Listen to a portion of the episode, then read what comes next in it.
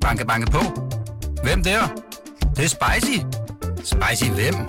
Spicy Chicken McNuggets, der er tilbage på menuen hos McDonald's. Badum, bom, tji.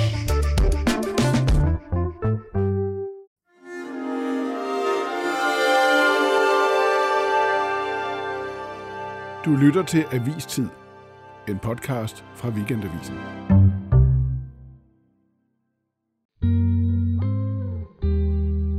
Velkommen til dig, Tak. Iben Mondrup. Tak.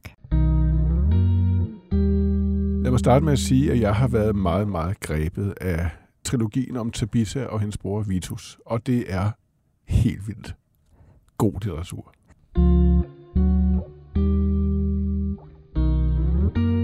Nu har jeg læst den tredje og sidste roman i trilogien, og den indskriver sig jo ligesom de andre i et kapitel i Danmarks historien, som er lidt svært at kigge rigtigt øh, på. Grønlandske børn i 60'erne og 70'erne blev fjernet fra deres biologiske forældre, adopteret til Danmark og danske familier under, skal vi kalde det, tvivlsomme forhold. Det er det, dine bøger handler om. Hvordan vil du beskrive den selsomme praksis?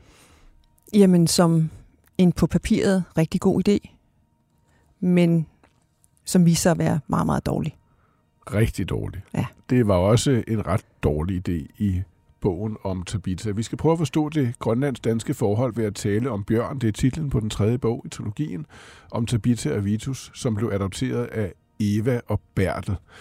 Her i tredje bind, der er børnene ikke længere en del af familien, og det forstår man godt, for det er nemlig gået fuldstændig galt. Og det er også et forfærdeligt ægteskab, vi præsenteres for. Vi er, øh, jeg fortæl, hvor vi er hen her i starten af 80'erne. Jamen, vi er i, altså sådan helt øh, lavpraktisk er vi i Humlebæk i Danmark hos ægteparet Bertel og Eva, som øh, 15 år tidligere øh, har øh, mistet det sidste af de to børn, som de kom hjem fra Grønland med. De har været i Grønland og arbejde. Øh, de var barnløse. Øh, de havde en hushjælp, som havde øh, en overflod af børn, og på et tidspunkt blev det muligt øh, at hjælpe denne her hushjælp i gåseøjne med at passe de her børn, fordi der sker en ulykke i hushjælpens familie. Hun hedder Abelone. Mm. Øh, og den der idé om at hjælpe Abelone bliver til øh, faktisk en slags tyveri af hendes to børn. Så Ja. de kommer til Danmark med de her to børn, og øh, det går grueligt galt simpelthen. Det, ja. Og det handler de to første bøger om. Ja. Hvad er det? Kan man, kan man beskrive, hvad det er, der går galt sådan i sådan overordnet træk? Hvordan ser du det her forlis? Jamen, det handler om en forestilling om, at man kan gøre to grønlandske børn til nogle andre børn. Man kan gøre dem til sine egne, til to danske børn, ved blandt andet at nægte dem at tale grønlandsk, ved Mhm. at afskære dem fra deres, øh, deres hjemsted og fra deres ophav, og, øh, og ved i øvrigt ikke at have blik for børnenes behov. Mm. Ved, øh, som Bertel og Eva, have ekstremt godt blik for hinandens behov øh, og egne behov. Ja. Øh, og det er jo det, der udløser katastrofen i bind 1, hvor... Øh, først den yngste dreng ligesom bliver skilt ud fra familien og placeret på et børnehjem, fordi Bertel og Eva øh, har en meget stor konflikt indbyrdes. Og hvor Tabitha så som 15-årig stikker af hjemmefra, fordi øh, det her ægteskab det simpelthen er kollapset. Og det er det så i den grad her i starten af tredje Ja. roman. Og det, vi, det ægtepar, vi møder i, i tredje mm. bind, de har levet de her 15 år uden at øh, se på, øh, hvad det egentlig er, der er foregået. Ja. Og det skal vi gøre sammen med dem, når vi åbner bogen. Lad os lige høre et stykke her. Det er midt i et skænderi, som jo vel er afslutningen på deres ægteskab. Ja, det er afslutningen, og det lyder sådan her. Han kan bare se på hende, mens hun spytter det ud. Uhyrligheder, grænsende til det sygelige. En blodig slagmark og lægemer, der rådner under hendes mørke sol. Og nu vil du snakke om børnene. Så lad os da det. De skulle aldrig have været med herned. Det var dårlige børn, siger hun. Ude af stand til at lære noget. De hørte ikke til. Det var børn, Eva. De var uskyldige, siger han. Hun snapper efter vejret. Han tager ordet igen, inden hun når at fortsætte. Du kunne ikke elske dem, Eva. Det er sandheden om dig og dit moderskab. Du kunne ikke, og det var deres skyld. De måtte betale for din fiasko. Selvfølgelig, for dig er der jo intet galt med. Du er perfekt, sådan som du har gået og passet mig, mens jeg har været syg. Som læmer, der rådner under hendes mørke sol. det er fandme godt skrevet. Jeg ser slagmarken for mig. Man får virkelig ondt i maven af at være i stue øh, med dem. Hvad er det, deres øh, historien med det, altså det kuldsejlede adoptiv projekt betyder for deres kuldsejlede ægteskab. De har haft en masse forventninger til hinanden. Han har gerne ville give hende de her børn. Hun har været ude af stand til at elske dem rent faktisk. Øh, og han har haft øh, og han har været ude af stand til at beskytte børnene mod hende. Øhm, så de har et fælles ansvar for det, mm. der er foregået. Og det, der sker for ham nu, det er, at han vågner op stille og roligt i denne her øh, begyndelse af bogen. Der vågner han op og opdager, at, øh, at han faktisk er parat til at se sine voksne børn igen. Ja, og det, der er genialt, må jeg sige, jeg sidder jo bare og roser og roser og roser. Det er ærgerligt, det ikke er mig, der skal anmelde bogen. øh, det, der er genialt, det er det der dobbelte blik på historien. Det er både den danske familie og de her forældre, og det er de børn, der blev tvangs, eller ikke tvang, der blev adopteret og stjålet, tyvstjålet til Danmark, blev de jo. Bertel øh, beslutter sig for at tage tilbage til Grønland for at se sine nu voksne børn. Øh, hvad er det, han håber at opnå ved at tage tilbage? Jamen, han håber vel på en eller anden forsoning. Altså, man kan jo sige, øh, han håber på at kunne øh, mødes med dem i øjenhøjde og sidde omkring et bord og snakke med dem og forklare sig og fortælle om, hvad der gik galt. Øh, tage ansvaret på sig. Mm. Give noget ansvar til Eva selvfølgelig, fordi han mener jo helt klart også, at det er hendes skyld. Og, og derfra, at de kan have en eller anden form for øh, sameksistens og fredelig sameksistens. Måske håber han endda på kærlighed kommer og tilgivelse. Han, kommer han nogle steder? med? Altså, lykkes det? Jeg vil sige, han kommer ret langt. Han kommer jo faktisk til Grønland, mm. øh, og han kommer faktisk også dertil, at han møder øh, Tabita, men, øh, men, han, men tilgivelse får han ikke. Tabita er jo taget tilbage til, til Grønland og vil opsøge sin mor, Abelone, og det vil hun, fordi hun håber, at det vil kurere hende for den rådløshed, hun jo øh, er blevet præget af. Hvordan går det for hende? Jamen, det er ikke så nemt, som det umiddelbart lyder. Øhm, fordi hun har jo sådan set den historie med sig, og øh, for det første så taler hun ikke grønlandsk. Øh, hun, hun har heller ikke levet sammen med sin biologiske mor. Hun ved faktisk intet om, hvor hendes biologiske mor er i livet, så det er, det er et møde med en, en hel masse ubekendte. Lad os lige høre et stykke om Tabita. Tabita gemmer den gennemtykkede fisk i munden. Alt det, hun skal lære at spise – den klumpede pulvermælk, som hun pisker og pisker, og lige meget hjælper det. Det her er dit hjem, siger Marie, og ser ulykkeligt på hende. Tabitha tænker på at forlade byen, som hun er landet i, og rejse et andet sted hen og finde et hjem.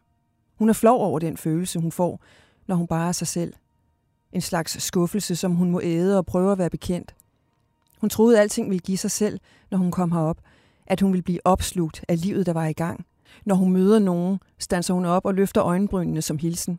Hallo, siger de. Hils din mor. Jeg hilser, siger hun. Hun ligner dem udenpå, men under huden, i kødet, er hun en anden. Hun er et fremmed barn, som er vendt tilbage og fandt et fremmed sted. Jeg har ikke noget hjem, siger hun. Det har du, siger Marie. Marie lugter af mad og sved, da hun med den buttede arm trykker Tabitas hoved ind til sin krop. Hun er bare sådan, din mor, siger hun. Abelona har prøvet mange ting, Banadrak. Hun er ikke bare sådan, Marie. Jeg er hendes datter. Og jeg ved også nogle ting om hende. Jeg kendte hende engang, men jeg kender hende ikke mere. Og det er jo virkeligheden omkring det her øh, møde, det er, at øh, man forestiller sig, at man kender hinanden, fordi man er mor og barn. Og det er jo også det, vi ser sådan i de her populære programmer, som for eksempel mm. Sporløs. De slutter jo gerne med, at øh, den adopterede falder i armene på sine biologiske forældre, og der er sådan et forløsende øjeblik, og man sidder hjemme i stuerne, og sådan tårne triller og så videre. Men i virkeligheden er det jo først der, rejsen begynder. Ja, der er jo, der er jo nemlig, og der, der er jo noget dybt rådløst over hende. Det er jo helt åbenlyst, og måske også simpelt. Hun hører ikke til i Grønland. Hun hører ikke til i Danmark, øh, til Bita. Hvad er det, der ikke kan lade sig gøre i bestræbelsen på at gøre Tabita til dansk? Altså, hvad er det, der kikser i det her, altså den her symbiose mellem det danske og det grønlandske, som hun jo skulle være, og hele tanken bag de her adoptioner skulle være? Jamen, jeg ved jo ikke specifikt, hvad det er, men jeg kan bare sige, at de adopterede, jeg taler med, sådan set også dansk adopteret, altså mm. etnisk dansk adopteret, de taler om øh, det at blive noget andet, end det man oprindeligt var. Man, har, man er jo ligesom født af sine forældre med nogle forudsætninger og med noget arvemasse, men det bliver meget udtalt, når der er tale om for eksempel grønlandske børn, den her forestilling om, at de kan blive til danske børn. Mm. Jeg kender voksne adopterede, som øh, er vokset op øh, steder her i Danmark, hvor de var den eneste af deres slags. Som, øh, øh, så de stikker ud i skolen, i børnehaven, og, øh, og de bliver behandlet som danskere, men hver gang de ser sig i et spejl, så ser de et andet billede. Mm. Øh, og der er en dyb ensomhed forbundet med det her med, at man ikke, øh, at man ikke bliver set som det, man føler sig, øh, og som det, man, øh, man føler, man er inde i. Og, og det går galt simpelthen. Og, og, og, og hvad, men nu tænker man, hvorfor helvede vidste de ikke det, altså de danske myndigheder, der forsøgte det her helt øh, vilde projekt. Hvad var det, de prøvede at opnå? Altså, hvad var, hvad var formålet med det? Man havde fokus på, øh, på materiel velstand, og så havde man fokus på hele det der udviklingsprojekt, man havde i Grønland, som jo handlede om fordanskningen, som handlede om, at hele samfundet skulle fordanskes.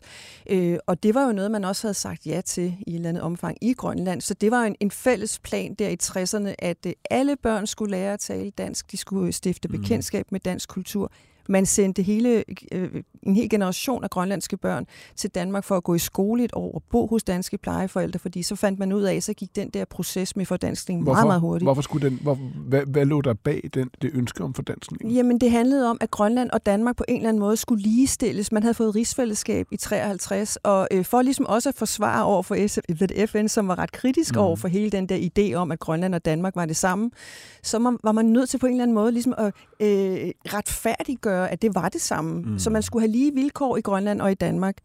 Øhm, men i realiteten, så var det jo et projekt, som når man taler om det i dag, og når man taler om det især i Grønland i dag, så, så, så taler man om det som et overgreb. Ja. Altså man simpelthen udvaskede. Man udvaskede det grønlandske og etablerede, du ved, i børnene, i skolerne, i hele mm. det der system omkring modernisering, der installerer man ligesom øh, øh, nogle andre værdier, nogle andre normsæt, øh, og de danske. Du boede der jo selv op gennem 70'erne og 80'erne. Ja. Men os lige om, hvorfor du gjorde det. Det gjorde jeg, fordi mine forældre var en del af den der her danske lærere, som rejste op øh, med taskerne fulde af danske skolebøger, så nogle Søren og Mette så mm. en ko og skulle undervise de grønlandske børn på et fremmedsprog om dyr, de aldrig havde set, for eksempel. Øhm, så jeg var barn af sådan en familie, der rejste ud i den der øh, ånd af oplysning og øh, at gøre en så, god værning. Så din familie deltog simpelthen i det her øh, velmenende forsøg ja. på at udvaske det grønlandske? Ja, helt klart. Og, og man troede, det var, altså de troede på, at det var en, en super god idé. Fordi øhm, hvad var alternativet på det tidspunkt? Ja. Uh, uden overhovedet at sammenligne overhovedet på nogen måde, men det troede Bertel og Eva jo også, at det var, ja. at tage de her børn med hjem jeg kan jo ikke lade være, men jeg er jo også sådan lidt firkantet i hovedet, øh, undskyld mig, men jeg er bare journalist og politolog, øh, og læse det her, din, dine bøger som en allegori over det dansk-grønlandske forhold. Altså, det er et ulige forhold. Man lader som om, det, det er lige, det er, det, men det er ulige, og det går, det går galt. Er det... Det er en god læsning. Kan man godt, kan man godt se dine bøger som en allegori over det danske Jeg kan godt forhold. lide selv også betragte bøgerne sådan. Øh, bøgerne er jo først og fremmest fortællinger, som vi lever os ind i. Ved, ved, altså vi er jo inde i, i hvad hedder det, hovederne og i følelserne på mine figurer, men samtidig så, så kan man jo løfte, og det synes jeg faktisk tit, man skal i litteratur. Man skal ligesom løfte blikket, og så skal man se fortællingen også som mm. en større fortælling. Fordi det, fordi det er så fantastisk, det er, at man starter det her kuldsejlede ægteskab. Ham her Bertel, som jo går igennem alle tre bøger, som man føler sig på en måde ret øh, tæt på, jo ikke? Altså ikke på en måde, det gør man simpelthen. Han har jo brug for Grønland. Han har brug for Grønland. Øh, og, øh, og ligesom grønlænderne på en måde har brug for os. Men hvad, hvad er det, han har brug for? Hvorfor har vi, hvorfor har denne danske mand brug for Grønland? Uh, det er et meget, meget stort spørgsmål. Øhm, altså sådan helt, helt politisk tror jeg, at man fra dansk side har brug for Grønland, fordi Grønland er jo ikke bare et lille appendix. Grønland er et øh, storpolitisk øh, ja, ja. centrum. Jeg tænker Klar mere nok. i vores, Mental, vores mentale Men det er jo sådan identitet. en kæmpe, det er jo, altså, det er jo almagt for, øh, forestilling. Vi har det her store land. Jeg tror, man skal huske på, at forholdet mellem Danmark og Grønland jo har været i talsat fra den spæde start som et mor-barn-forhold. Altså vi har, vi har øh, moderlandet, og så har vi et land øh, og no, et, en befolkning, som skal lære at stå på egne ben. Og den der metaforik, den er, øh, den er meget, meget heavy, og den er faktisk stadigvæk aktiv, selvom, øh, selvom at det kan være svært ligesom at, øh, Måske hører vi den ikke udtalt direkte, Nej, men, den, men den er der stadigvæk. Man kan mærke ja. den, og jeg, jeg kan i hvert fald mærke den, måske kan andre også, når de ser billederne af Mette Frederiksen, der lander i lufthavnen, og giver Mutte Ede en ordentlig krammer. Ja, det ser mærkeligt ud, ikke? Hun vil jo ikke kramme andre øh, statsledere. ligeværdige statsledere. Nej, det vil hun ikke. Måske ikke engang den færøske? Det tror jeg heller ikke, nej. Jamen, det, er, det er et mærkeligt billede, og jeg tror også, Øhm, der, der er også andre sammenhænge, hvor, hvor, hvor der er sådan en efterklang af den der mor-barn-tanke, øh, når for eksempel øh, vi hører øh, Hønge sige til Agi Matilda ja. øh, på et tidspunkt, hvor øh, efter hun har talt grønlandsk fra øh, Folketingets talerstol, så taler han faktisk til hende sådan lidt opdragende. Ja, det er en lidt vanskelig dialog, den her. Øh, jeg ved jo, at ordføreren er født i Danmark og taler flydende dansk, øh, men Altså, at, som om hun har været et, et uartigt barn, og, og nu må hun ligesom lære at, øh, at, at formulere sig og ligesom bruge det politiske sprog frem for at opføre sig dårligt. Ikke? Med, med, men mor-barn-forhold, ikke jo et biologisk det er dog et adoptivt forhold. Det er netop det, det er. Ja. Det er netop et, ad- et adoptivt forhold. Og det forhold. ved vi også godt. Og det er jo også sådan, altså det er jo fortsat sådan, når vi taler om øh, den danske kolonihistorie. Vi taler om øh, Danmark som, som den bedste af alle koloninationer. Mm. Altså vi var et, øh, vi er en god koloni, og vi vil hjælpe Grønland, og vi vil hjælpe Grønland. Men måske og der, er det rigtigt. Øh, Måske ja, var vi de bedste sammenlignet relativt. Måske ville vi hjælpe. Det var mm. velmenende, men det lykkedes bare ikke. Jamen, jeg er helt sikker på, at der er et meget stort øh, og vigtigt element af netop det velmenende. Øh, og jeg tror også, vi skal huske på, når vi kigger på vores historie, at det velmenende øh, både kan have været med bagtanker, men det er også et produkt af tiden. Altså det er jo andre steder i verden, ser vi samme forsøg på at, øh, at være med til at udvikle, at bidrage, men altid sådan inden for de der, altså inden for de, de rammer, som vi kender. Vi udbreder demokratiet til verden. Mm. Vi udbreder, du ved, forskellige systemer og tankesæt og værdisæt, fordi vi tror på, at det er det bedste. Jeg, jeg lagde ligesom de fleste andre mærke til den der happening på, fra Folketingets øh, talerstol, hvor Aki Mathilda Hø talte grønlandsk, og det var voldsomt at opleve, fordi det var så... Øh, ja, det var bare enormt markant. Galaslisut oqalussinnaanaq ajorpugut maangaanniit amak qallunaat kalaallisut nutserneqarna ajormata uanutsersunniangilakka. Vil ordføreren være så venlig at fortælle mig lidt ja eller nej? Ordføreren ønsker at oplæse det på dansk. Det var et nej. Det var et nej først var jeg forarvet over det, så tænkte jeg, hmm, det er måske åndssvagt bare at være forarvet. Så skrev jeg sådan en, en leder, hvor jeg, hvor jeg altså, skrev om, hvor, hvor, hvor, hvor helvede vores egentlige engagement i Grønland er henne. Vi ved jo ikke noget om Grønland. Vi ved ikke noget om Grønland. Altså, vi, altså de fleste danskere ved ikke en flyvende fis om Grønland. Hvad, hvad skal der til for at gøre det her forhold ligeværdigt? Altså bringe det ud af mor-barn-forholdet? Mm, ja, men jeg tænker nogle gange på, om det overhovedet kan lade sig gøre. Jeg tror, øh, jeg tror at først og fremmest, så skal, øh, så skal vi øh, blive opmærksomme, når det er, sådan en ting sker, når Agi Mathilda Høgdam stiller sig op og taler grønlands på talerstolen, så føles det næsten fysisk. Altså, ja. man får sådan en, uh, Altså, man får et lille chok. Fordi det er fremmed? Fordi, ja. fordi man ikke forstår det? Og så skal det. man tænke Er det ikke videre? derfor? Man forstår ikke, hvad hun siger? Man forstår altså... ikke, hvad hun siger, og hun vil heller ikke, hun vil heller ikke oversætte. Øhm, og så tror jeg, at så skal man øh, foretage denne her øh, egentlig meget øh, smukke øvelse at sætte sig i andre sted. Øh, det skal vi prøve en gang imellem, at sætte sig i i hendes sted, eller i deres sted, i den anden sted, og, og forestille sig, at man sidder i den rolle, eller i den situation, at man for eksempel ikke kan tale på sit første sprog. At det bliver taget for, altså at hver gang man, øh, man ytrer sig lidt skævt, eller øh, så, så får man at vide, at man skal rette ind, og, øh, og hver gang man hører om sit eget land, for eksempel i de, i de danske medier, så er det meget ofte øh, om forhold, øh, hvor, man har, hvor man har problemer, øh, og man får igen og igen at vide, at man, at man ikke kan administrere sig selv, og I kan ikke klare os uden, øh, I kan ikke klare jer mm. uden os, og alle de her ting. Altså, det er ligesom hele fortællingen om Danmark og Grønland, den er, den er fuld af en hel masse fordomme. Du, øh, du sagde, at det ikke, du tvivler på, at det kan lade sig gøre at skabe et ligeværdigt forhold. Altså at bringe vores og grønlændernes forhold ud af det her mislykket adoptiv, øh, adopt, øh, mislykket adoptiv historie. Så er der jo kun løsrivelse og selvstændighed. Altså lige nu er, er, er vi jo i fuld gang med, og det er ret det er ret interessant, og jeg tror, man skal begynde at, at interessere sig mere for det, end man gør.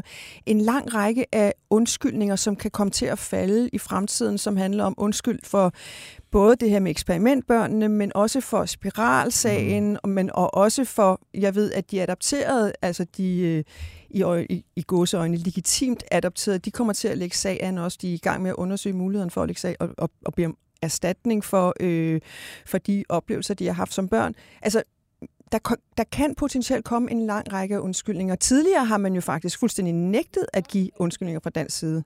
Mm. Øhm, så hvorfor gør det nu? Vi kan forholde os til det, og vi kan tage ansvaret på os.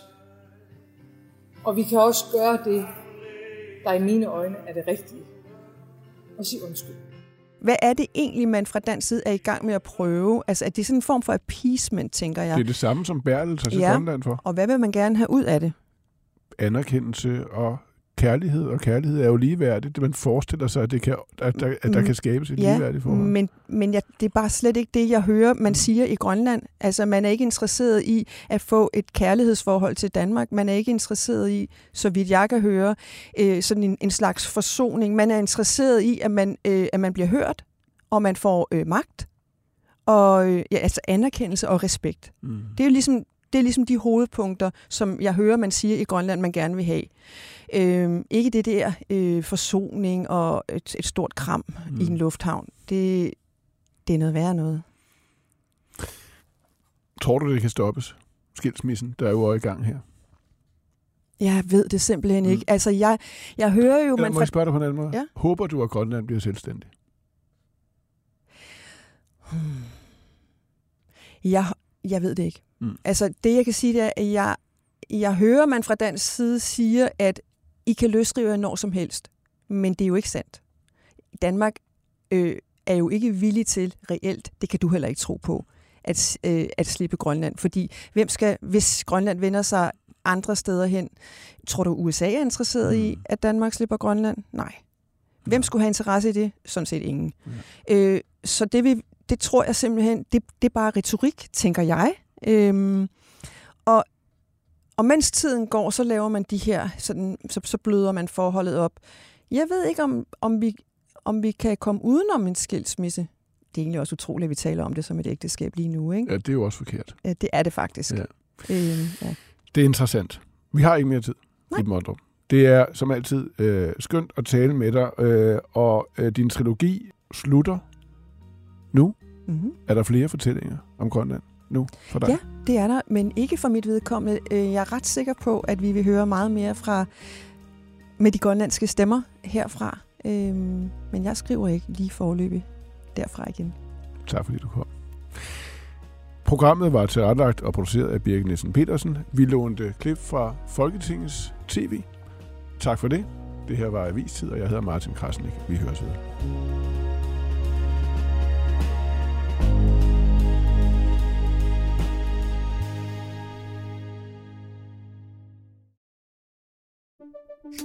Banke, banke på. Hvem der? Det, det er spicy. Spicy hvem?